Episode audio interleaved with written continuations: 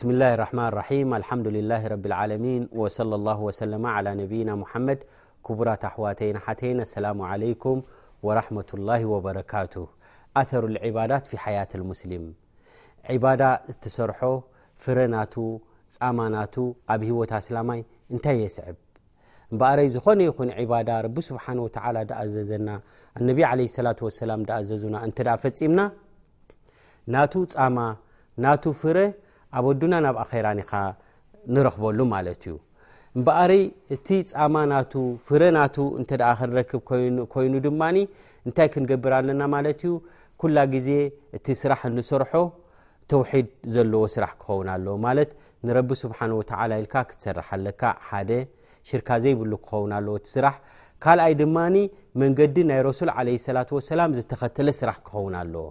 እንተ ደኣ ዘ ክልተ ቅድሚ ኩነት ኣጉዲሉ ግን ተቐባልነት የብሉን ማለት እዩ ከምኡ ዩ ከዓኒ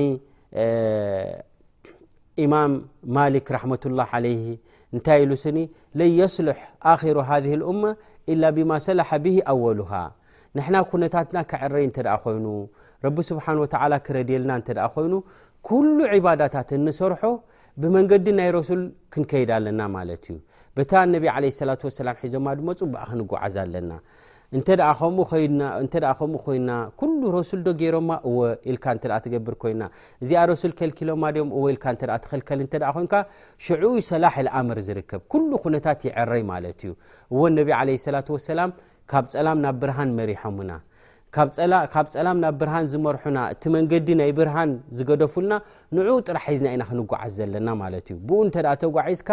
ድሕነት ትረክብ ማለት እዩ እምበኣር ዕባዳ እንተ ሰሪሕካ ፃማናቱ ኣብ ኣዱንያን ኣብ ኣኼራን ኢኻ ትረክብ እቲ ፃማናቱ ኣብ ኣዱንያን ኣብ ኣኼራን ክትሓፍሶን ወይ ድማ ፍርያቱ ክትረክብ እንተ ኮይንካ ድማ ንረሱል ዓለ ሰላት ወሰላም ምኽታል ኣገዳሲ እዩ ማለት እዩ ዲን ናትና ወልላሂ ልሓምድ ወልሚና ሙሉእ እዩ ማለት እዩ ጉድለት የብሉን ባዕልና ብሓድሽ ምህዞታት ክንመልኦ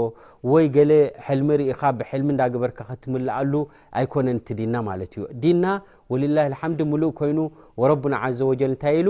ኣልየውመ ኣክመልቱ ለኩም ዲነኩም ኢሉ ዲናትኩም መሊኦልኩም እየ ኢሉ ዲናትና ሙሉእ እዩ ማለት እዩ እዘን ጉድለት የብሉን እንታይ እዩ ካባና ዝድለይ እንተ ተባሂሉ ነዚ ዲን እዚ ወይ ነቲ ረሱል ለ ሰላት ወሰላም ሒዘሞ ድመፁ ንዕኡ ተኸትልካ ምኻድ ጥራሕ ማለት እዩ ወልሊክ ኣነቢ ለ ሰላት ወሰላም ዝኾነ ይኹን ስራሕ ትሰርሖ ስኒ ተቐባልነት ከም ዘይብሉ ኢላ በታ ናይ ረሱል ዓለ ሰላት ወሰላም እተ ከይድካ እኻ ተቐባልነት ዝረክብ እምበር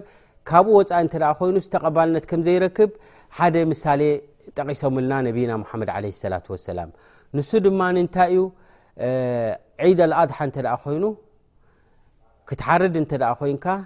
ድሕሪ ሰላት ኢኻ ትሓርድ ማለት እዩ ኣብ ናይ ዒድ ኣልኣድሓ ሕጂ ሓደ መፂኡ ቅድሚ ሰላት ሓሪደ ኢልዎም ንረሱል ዓለ ሰላት ወሰላም ኢሎሞ ሻቱ ካ ሻቱ ላሓሚ ኢሎሞ እዚ ዝሓረድካዮ ናይ ዒድ ኣልኣድሓ ተባሂሉ ኣይቅበልን እዩ እንታይ ደኣ ኻላስ ከምዚ ስጋ ደሊኻ ሓሪድካ ዝበላዕካዩ ከምኡ ዩ ድቁፀር ኢሎሞ ምኽንያቱ እታ ሱና ናይ ረሱል ለ ሰላ ሰላም መጠና ይኹን ልክዓ ይኹን ቦታኣ ይኹን ብኣ እተ ዘይለኪዕካ ዘይሰሪሕካዮ ተቐባልነት ኣይረክብን እዩ ማለት እዩ እዘን ተቐባልነት ንክረክብ ሓደ ስራሕ ብታ ናይ ረሱል ለ ሰላ ሰላም ዓቐንን ይኹን ግዜ ይኹን ወላ ቦታ እውን ከይተረፈ ብታ ናይ ረሱል ለ ሰላ ሰላም መንገዲ ኢካ ክትገብር ዘለካ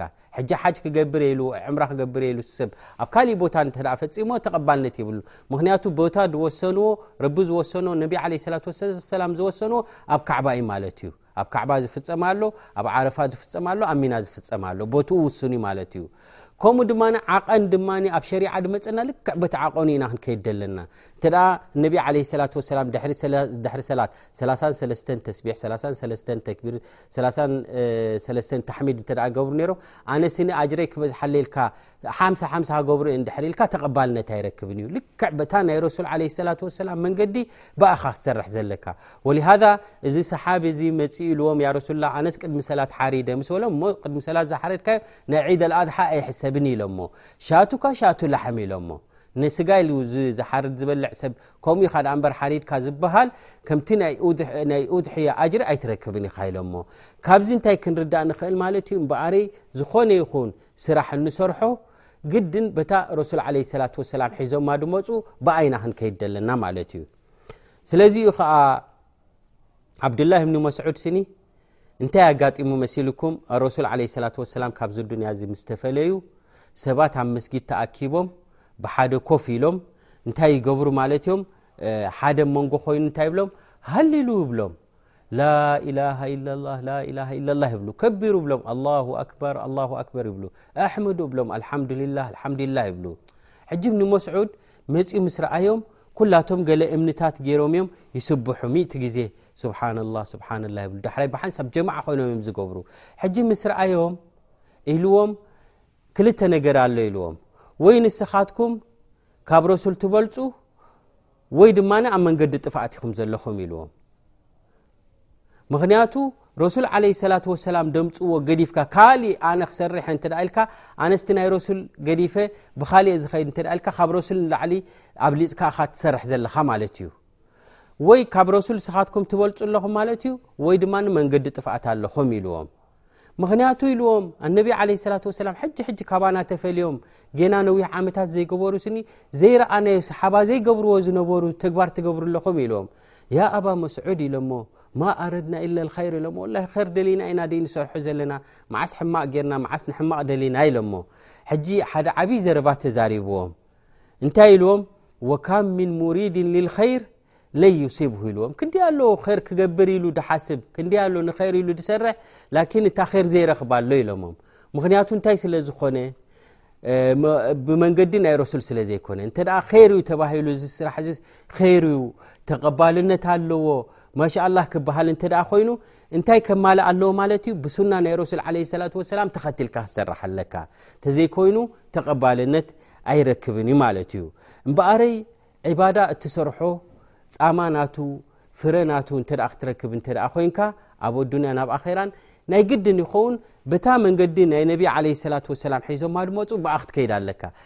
ካብ መንገዲ ናይ ረሱል ለ ሰላት ወሰላም ወፂኻ ካሊእ ተግባራት እተ ጌርካ ወላ ፅቡቕ እዮ ቀራርበኒ ኢልካ እተ ሰሪሕካዮ ተቐባልነት የብሉን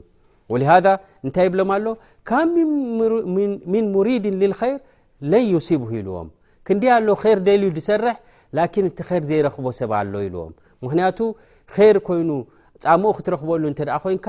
መንገዲ ናይ ረሱል ለ ሰላት ወሰላም ዝተኸተለ ክኸውን ኣለዎ እበኣረይ ክቡራት ኣሕዋትን ኣሓትን ዝኾነ ይኹን ዕባዳ ንሰርሖ ኣብ ኣዱንያ ይኹን ኣብ ኣኼራ ይኹን ፃማ ኣለዎ ማለት እዩ ፃማ ናቱ ከም ዘለዎ ኣብ ኣዱንያ ፃማ ውን ኣብ ኣራ ከም ዘለዎ ዕባዳታት ረቢ ስብሓን ወተላ ኣብ ቁርን ዝዘከሮ ነቢ ለ ሰላ ሰላም ዕባዳታት ዝዘከርዎ ኣሎ እቲ ፃማ ናቱ ፍረናቱ ነጊሩና ረቢ ስብሓን ወተላ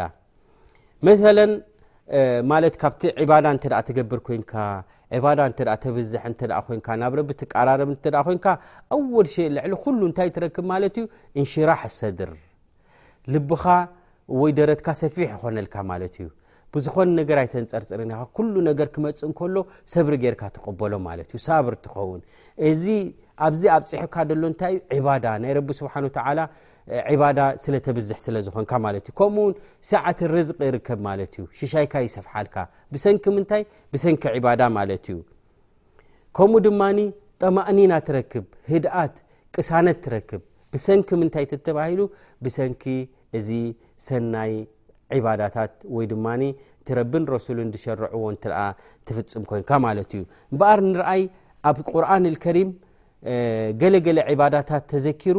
እቲ ዕባዳ ድማ ፃማ ናቱ ፍረ ናቱ ድማ እንታይ ምዃኑ ተገሊፁልና ማለት እዩ ኣርእስትና ሒዝናዮ ዘለና ኣሩ ዕባዳት ፊ ሓያት ሙስሊም ዝብል እዩ ዕባዳ እንተ ገይሩ ሓደ ሰብ ስኒ እቲ ፃማ ናቱ ፍረ ናቱ እንታይ እዩ ንዝብል ማለት እዩ ኣላሁ ዘ ወጀል ኣብ ቁርን ከሪም እንታይ ኣዚዙና ማለት እዩ ብተቕዋ ፍርሒ ከነሕድር ካብ ረቢ ስብሓን ወተላ ክንፈርሕ ከም ዘለና ክንጥንቀቕ ከም ዘለና ረቢ ዝኸልከሎ ክንክልከል ረቢ ድኣዘዞ ክንእዘዝ እዚ እቲ ተቕዋ ዝበሃል ማለት እዩ እዚ ተቕዋ እዚ እንተ ኣብ ተግባር ኣውዕልካዮ ኸ እንታይ ይፃምኡ እንተ ኢልና ረቢ ስብሓን ወተላ እንታይ ይብል ወለው ኣና ኣህል ቁራ ኣመኑ ወተቀው ሹፍ እዚ ሕጂ እቲ ትእዛዝ ናይ ረቢ ማለት እዩ ለው እዞም ህዝቢ እዚኣቶም ወይ እዞም ዓዲ እዚኣቶም ደቂ መካ ይኹኑ ወላ ኣብ ድኾነ ቦታ ዘሎ ሰብ ይኹን ለው እተ ለው ኣመኑ ብረቢ ስብሓን ወተዓላ እንተ ኣሚኖም ከምኡ ድማ ወተቀው እንተ ንረቢ ስብሓን ወተዓላ ፈሪሖም ስኒ ሕጂ እቲ ኣር ናቱ ረኣይዎ ለፈታሕና ዓለይህም በረካት ምነ ሰማእ ብሰማይ በረካ ምኸፈትናሎም ኢሉ ናይ ሰማይ በረካ ድማ ዓብዪ ማለት እዩ ሕጂ እዘን እንታይ ንርኢ ኣለና ማለት እዩ እተ ሓደ ሰብ ስኒ ተቕዋ እተ ኣለዎ ኮይኑ ፍርሒ ረቢ እተ ኣለዎ ኮይኑ እንታይ ዓይነት ፃማ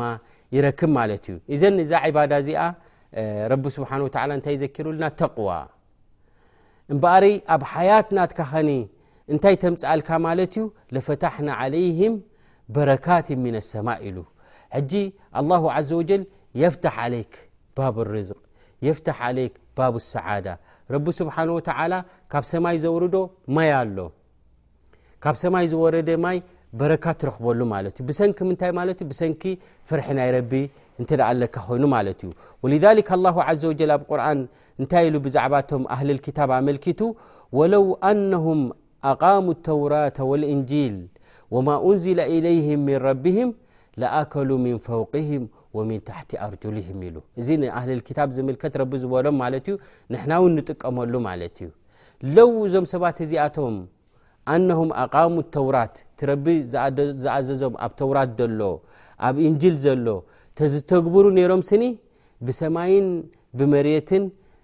ርዝቆም መምፃእናሎም ነርና ይብል እዘን እዚ እንታይ የረዳእና ማለት እዩ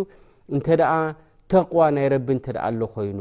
ፍርሒ ናይ ረቢ እንተ ኣሎ ኮይኑ ስኒ ረቢ ስብሓን ወተዓላ በረካት ይኸፍተልካ ማለት እዩ ለኣከሉ ምን ፈውቅህም ወምን ታሕቲ ኣርጁልህም ኢሉ እንታይ ብ ተውራት ዘሎ ኣብ እንጅል ዘሎ እተ ልካ ኣብ ተውራት ነቢና ሙሓመድ ለ ሰላ ወሰላም ከም ድመፁ ኣበሲሩ ኣሎ ነጊሩ ኣሎ ኣብ እንጅል እውን ነጊሩ ኣሎ ማለት እዩ መጀመርያ ረሱል ከይመፁ ከለዉ ዝትግብርዎ ዝነበሩ እቶም ንዑ ዝክተሉ ዝነበሩ እዚኣቶም ኣብ ሓቂ መንገዲ ነይሮም ረሱል ዓለ ሰላት ወሰላም ምስ መፁ ድማ ኣብቲ እንጅል ናቶም ኣብቲ ናቶም መፅሓፍ ድማ ሙሓመድ ድበሃል ኣሕመድ ድበሃል ክመፅ እዩ ተባሂሉ ለው ንረሱል ዓለ ሰላት ወሰላም ተኸቲሎሞም ተዝኾኑ ፍርሒ ረቢ እንተዘሕድሩ ነይሮም ስኒ ረቢ ስብሓን ወተላ እንታይ ይብል ኣሎ እዚ ዘይበሃል ሽሻይ መንበርና ኣሎም ነርና ይብል ማለት እዩ እዘን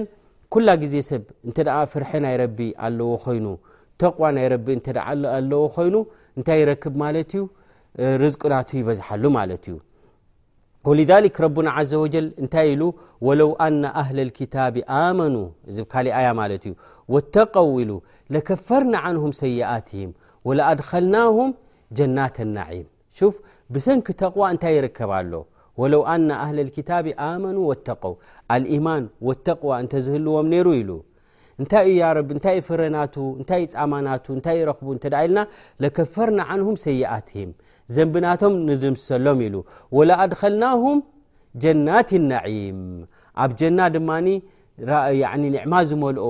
ርዝቂ ዘለዎ እፎይታ ዘለዎ ቅሳነት ዘለዎ ኣብኡ ድማ መንበርናዮም ነርና ይብል ረቢ ስብሓን ወተላ እዘን እንታይ ንርዳእ ማለት እዩ ኣሩ ዕባዳት ፊ ሓያት ሙስሊም እንተ ሓደ ሰብ ነቲ ዕባዳ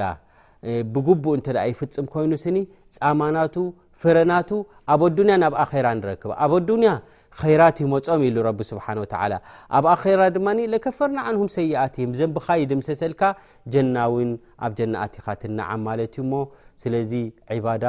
ብዙሕ ጥቕምን ብዙሕ ፍረን ስለ ዘለዎ ትረቢ ድኣዘዘና ዒባዳ ንዑ ክንፍፅም ይግብኣና ወኣስኣሉ ላሃ ዓዘ ወጀል ብመኒሂ ወከረምሂ ኣንወፍቀና ልማ ዩሕብሁ ወርዳ ወሰለ ላሁ ወሰለማ ዓላ ነብይና ሙሓመድ